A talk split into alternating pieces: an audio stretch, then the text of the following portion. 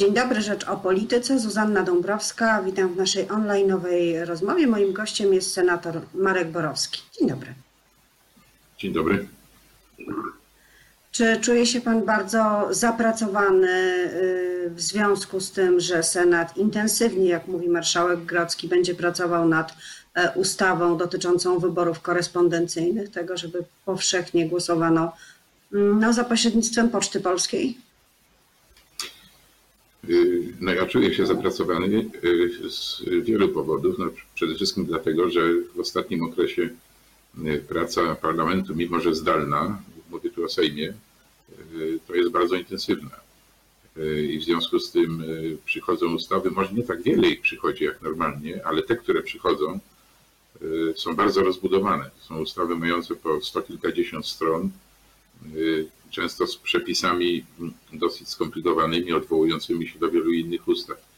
Więc y, to nam z całą pewnością zajmuje wiele czasu. Dodatkowo y, są to ustawy, w których y, znajduje się mniej czy więcej, ale znajduje się sporo przepisów, na które oczekują bardzo pilnie przedsiębiorstwa, pracownicy.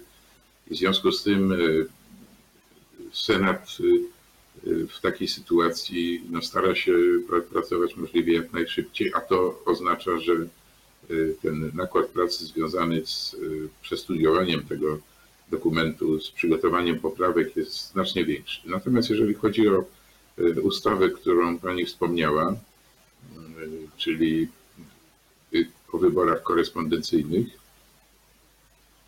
to ta ustawa została skierowana. Ta ustawa nie ma takiego charakteru pilności i została skierowana do e, opinii i konsultacji, zwłaszcza, że budzi, e, no powiem delikatnie, bardzo poważne wątpliwości e, prawne, konstytucyjne z punktu widzenia zdrowotnego bezpieczeństwa obywateli itd. Tak Jak to nie ma charakteru pilnego, jeśli ma dotyczyć wyborów, które wyznaczone są na 10 maja, a głosowanie Senat chce odbyć 5 maja. To chyba bardziej pilnej ustawy być nie może. To troszkę późno ten 5 maja. No, e, e, pani redaktor, gdyby to była ustawa bezproblemowa, to na pewno byśmy się szybko zajęli, no ale tutaj to po prostu nie wypada. No, to jest ustawa, która została przyjęta z wyraźnym złamaniem konstytucji, kodeksu wyborczego, już nie mówiąc o regulaminie Sejmu która nie gwarantuje w efekcie, gdyby ją tak sobie po prostu przyjąć, to ona nie gwarantuje rzetelności wyborów, y, tajności wyborów. Więc no, trudno sobie wyobrazić, że Senat w tym momencie macha na to wszystko ręką i zwraca ją do Sejmu z takimi czy innymi uwagami. No właśnie, bo to jest pierwsza do rozstrzygnięcia podstawowa e, jakby wątpliwość. Czy Senat będzie pracował nad ustawą, czyli tak jak Pan powiedział, zgłaszał poprawki, e, próbował ją e, zmienić, ulepszyć co do poszczególnych rozwiązań, czy też po prostu Senat odrzuci tę ustawę w całości, ewentualnie zrobi tak, by nie mogła wejść w życie. Pani dyrektor, y, gdybym, gdybym musiał dzisiaj decydować w tej sprawie, to ja osobiście głosował za odrzuceniem tej ustawy w całości, ponieważ tak jak powiedziałem, ona y, jest po prostu bezprawna, no, można powiedzieć nielegalna w sytuacji, y, biorąc pod, pod uwagę te wszystkie delikty, y, których większość sejmowa dokonała uchwalając tę ustawę. No ale chcemy też pokazać opinii publicznej, opinię wszystkich instytucji, które się tutaj liczą i wszystkich e, osób, autorytetów prawniczych, które się tutaj liczą, e, wypowiadają się w tej sprawie, wypowiadają się w tej sprawie także OBWE. Chcemy również to, to pokazać. No tak, żeby nasza decyzja końcowa miała jednak solidne uzasadnienie. No tak, ale gdyby rzeczywiście było tak, że po tych wypowiedziach, konsultacjach, ekspertyzach i analizach Senat odrzucił ustawę, to mamy wybory 10 maja, bo nie wygląda na to, żeby Prawo i Sprawiedliwość e, chciało wprowadzić jeden ze stanów wyjątkowych, co pozwoliłoby na przesunięcie wyborów. Gdyby Prawo i Sprawiedliwość e, w sytuacji, w której Senat odrzuci tę ustawę, odrzuci ją e, na początku maja, gdyby Prawo i Sprawiedliwość mimo to chciało oczywiście odrzucić weto senackie, skierować do prezydenta, uzyskać podpis prezydenta, ogłosić w dzienniku ustaw i zabrać się do organizacji wyborów, to bardzo przepraszam, ale się tego zrobić nie da bez połamania kolejnych innych przepisów. No, ja zwracam uwagę, że w tej chwili tej ustawy nie ma. Nie ma takiego prawa. W związku z tym wszelkie działania, które byłyby podejmowane w ciągu do końca kwietnia czy na początku maja y, przez różne organy, które miałyby wynikać z postanowień tej ustawy, byłyby po prostu nielegalne, więc to byłoby, to byłoby kolejne złamanie prawa. I tyle mogę powiedzieć w tej sprawie. No, PiS oczywiście przyzwyczaił nas do tego, że konstytucję ma za nic, prawo ma za nic, zasady niedziałania prawa wstecz ma za nic, y, ale to nie znaczy, że mamy to akceptować. No dobrze, a jeżeli y, o czym słychać z kuluarów Sejmu, ze środowisk związanych z porozumieniem Jarosława Gowina, gdyby przyjąć jakiś plan awaryjny, na przykład wprowadzić poprawkę, gdyby Senat wprowadził poprawkę o przedłużonym vacatio legis, nie wiem, 6 miesięcy, co oznaczałoby, że to głosowanie korespondencyjne E, może być, owszem, ustawa zostałaby przyjęta, ale realizacja mogłaby być e, za jakiś czas, za kilka miesięcy i słychać o tym, że właśnie porozumienie mogłoby taką poprawkę poprzeć, co oznacza, że, że, że w tej formie ustawa by była przyjęta. Czy tego rodzaju scenariusze i ten konkretny jest do przyjęcia? Muszę powiedzieć, że porozumienie Jarosława Gowina co pewien czas zgłasza różne propozycje, które w tak zwanym ludowym porzekadle określa się jako lewą ręką za prawe ucho. I, i to niestety ma ten charakter, to, ta propozycja. Y, no bo cóż ona by oznaczała? Po pierwsze oznaczałaby akceptację dla takiego trybu wyborów korespondencyjnych, znaczy obowiązkowych wyborów korespondencyjnych dla 30 milionów Polaków. Ja po prostu nie rozumiem, po co to wprowadzać. Y, w momencie, w którym Y, epidemia wygaśnie, a w razie wygaśnie na tyle, że będą się mogły odbyć normalne wybory, no to wtedy idziemy do lokali wyborczych po prostu, tak jak na całym świecie, a nie organizujemy przymusowe wybory korespondencyjne dla 30 milionów Polaków. To po pierwsze. Po drugie, y, ten tryb, który tam został opisany, jest po prostu nie do przyjęcia. To wrzucanie do skrzynek pakietów to po prostu jest jakiś jak, jakiś wymysł, y, no już nie chcę określać kogo, ale w każdym razie y, podporządkowany tym właśnie interesom politycznym, które, o, o których wiemy. No i wreszcie na, na koniec. Przecież jeżeli ta ustawa nie wchodzi w życie, to znaczy obowiązuje inna ustawa. A, a która? Ano ta, którą my odrzuciliśmy y, w swoim czasie, na początku marca, Senat odrzucił nasze weto, a prezydent podpisał. E, mianowicie ustawa, która mówi, że głosujemy, a jakże 10 maja, e, idziemy do urn, e, tyle tylko, że osoby w wieku powyżej 60 lat mogą głosować korespondencyjnie. A więc to wszystko jest bez sensu po prostu. Także porozumienie po prostu zaplątało się we własne propozycje, zamiast przyjąć najbardziej naturalną propozycję, którą jest wprowadzenie stanu klęski żywiołowej. Przecież te przepisy, które obecnie rząd nakłada na obywateli i na przedsiębiorstwa, e, tak pomijając, że one nie mają podstawy prawnej, one są nielegalne po prostu, e, ale one zostały przepisane z ustawy o klęsce żywiołowej.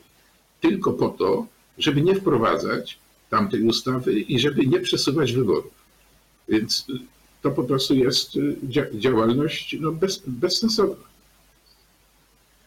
Być może, tylko że mamy do czynienia z klinczem. To znaczy opozycja stara się zmusić Prawo i Sprawiedliwość do wprowadzenia tego stanu, Prawo i Sprawiedliwość e, nie chce e, tego uczynić, a obywatele e, naprawdę nie wiedzą, chociaż nie wiem, czy jest to w tej chwili pierwszoplanowy temat dla obywateli dotkniętych pandemią, ale mimo to nie wiedzą, jak mają głosować, czy będą głosować, co z tego wszystkiego wyniknie. To jest taka próba sił. Trzymacie się w żelaznym uścisku i nikt się nie chce e, ani odrobinę przesunąć. Różnica między nami polega na tym, że my działamy zgodnie z prawem, mówię o Senacie, E, e, natomiast PiS działa niezgodnie z prawem i, tyle. A jeśli chodzi o obywateli, no to PiS doskonale wie, że prawie 80% obywateli nie chce wyborów w tym terminie, a mimo to lekceważy ten głos kompletnie. E, No powiem tak, no jeżeli przecież my nie jesteśmy w stanie e, zahamować wszystkich działań e, PiSu i, i, Jarosława Kaczyńskiego, który y, siedząc tam odizolowany na Nowogrodzkiej y, no, wydaje wszystkim dyspozycję. Y, Jeżeli, y, jeżeli dojdzie do tego, no, na, na spacery chodzi i to nawet tam, gdzie nie wolno.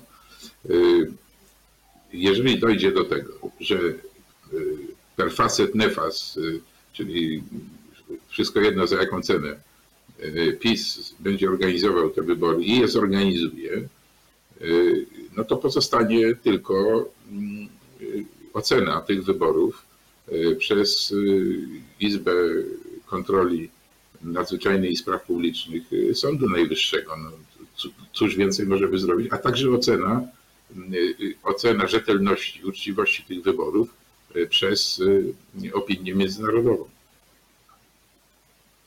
E, W takim razie wróćmy jeszcze na chwilę do Sejmu, który się dziś zbiera i będzie obradował nad projektami e, obywatelskimi, między innymi projektem, e, który wyszedł ze środowisk związanych z Kają Godek. Ona firmuje ten projekt. To jest projekt dotyczący aborcji, bardzo restrykcyjny.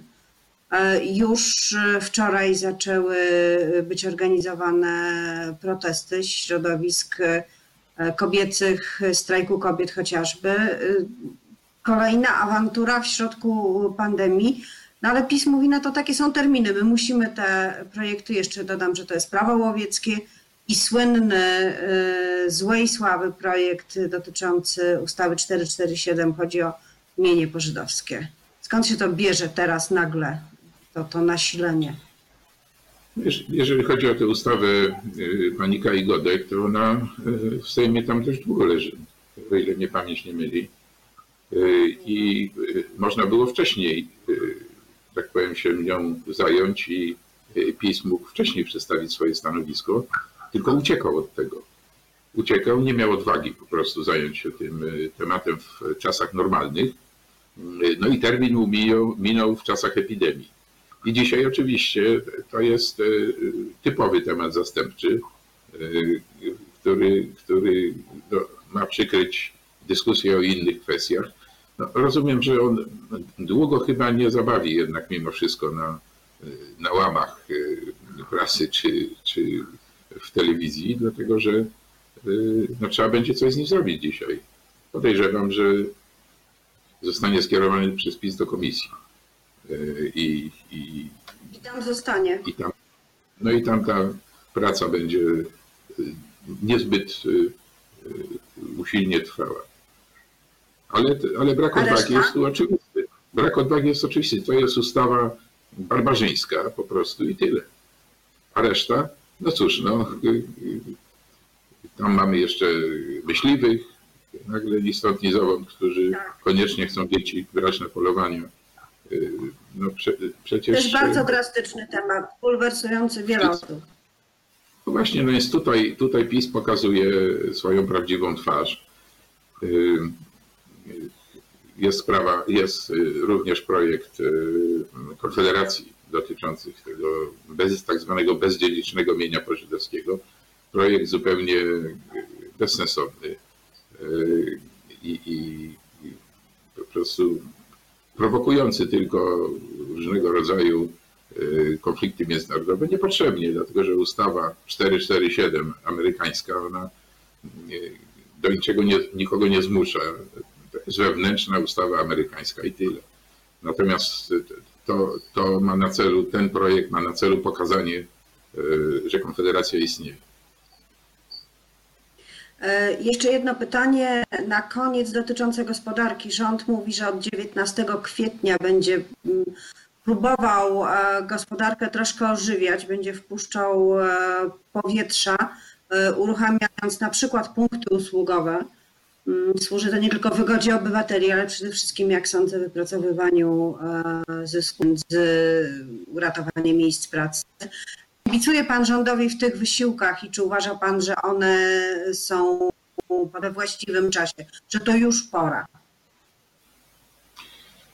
Proszę Pani, każdą, każdej słusznej decyzji, oczywiście słusznej no, w mniemaniu moim i powiedzmy sobie ekspertów, no, których przecież czytam i staram się wyrobić sobie pogląd, oczywiście, że każdej słusznej decyzji kibicuję. Zwracam tylko uwagę, że te decyzje rządu z reguły są opóźnione. Ja przypomnę, że na przełomie lutego i na początku marca, kiedy sprawa epidemii, czy nawet już pandemii była oczywista, słyszeliśmy, a to Senat zainicjował debatę na ten temat, bo rząd nie chciał, nie chciał rozmawiać, PiS nie chciał rozmawiać na ten temat. My w Senacie wymusiliśmy debatę na ten temat i dowiedzieliśmy się wtedy, czy to w gmachu Sejmu, czy, czy, czy z kancelarii premiera, od pana Dworczyka, od pana premiera Morawieckiego, od pana ministra Szumowskiego, dowiedzieliśmy się, że wszelkie sprawy są pod kontrolą, jesteśmy dobrze przygotowani. Pan Dworczyk nawet użył sformułowania bez względu na skalę zagrożenia. Jesteśmy dobrze przygotowani. Chwilę potem okazało się, że jesteśmy w ogóle nieprzygotowani i rozpoczął się dramatyczny y, marsz po, po, po maseczki, po kombinezony, sprowadzanie największym samolotem świata i tak dalej, i tak dalej. To, co się dzieje w szpitalach dzisiaj zakaźnych, po pomstę y, do nieba, czy w domach pomocy społecznej. A więc tu rząd się spóźnił, nie był przygotowany. Następnie dowiedzieliśmy się, że y, no, trzeba zapewnić przedsiębiorstwom płynność. Przedsiębiorstwa nie mają pieniędzy po prostu na to, żeby przeczekać ten okres, potrzebują jakichś kredytów, pożyczek i tak dalej. Senat 13 marca przyjął ustawę, w której zaproponował utworzenie Funduszu Płynności. Skierował ją do Sejmu. Co Sejm z tym zrobił? Odrzucił oczywiście na wniosek rządu. Po czym parę dni temu, tydzień temu, pan premier Morawiecki z panem prezesem Glapińskim ogłaszają uruchomienie wielkiego programu pożyczek na 100 miliardów złotych, przy czym pierwsze wypłaty będą gdzieś na początku maja, czyli półtora miesiąca po naszej propozycji. Więc ja oczywiście aprobuję to, że, taki, że taka koncepcja została wreszcie opracowana, natomiast no nie aprobuję tych wszystkich opóźnień, które w tym względzie mają miejsce. I na koniec wspomniałem już o tym, że te zakazy, które są w tej chwili wprowadzane, nie mają podstawy prawnej. I to mnie najbardziej denerwuje, dlatego że większość z nich jest zasadna. Nie w tym rzecz, tylko kończy się w ten sposób, że policjant łapie kogoś, kto jedzie na rowerze i pyta go, dokąd jedzie. Czy na przykład ktoś jedzie na działkę, gdzie przecież jest odseparowany, gdzie tam chce spędzić ten czas, dostaje mandat. Więc no po prostu tak nie wolno tworzyć przepisów i, i tak nie wolno narażać obywateli na, na tego rodzaju konsekwencje. Także dużo rzeczy słusznie podjętych, bardzo często za późno i na pewno nieprecyzyjnie i bez podstawy prawnej.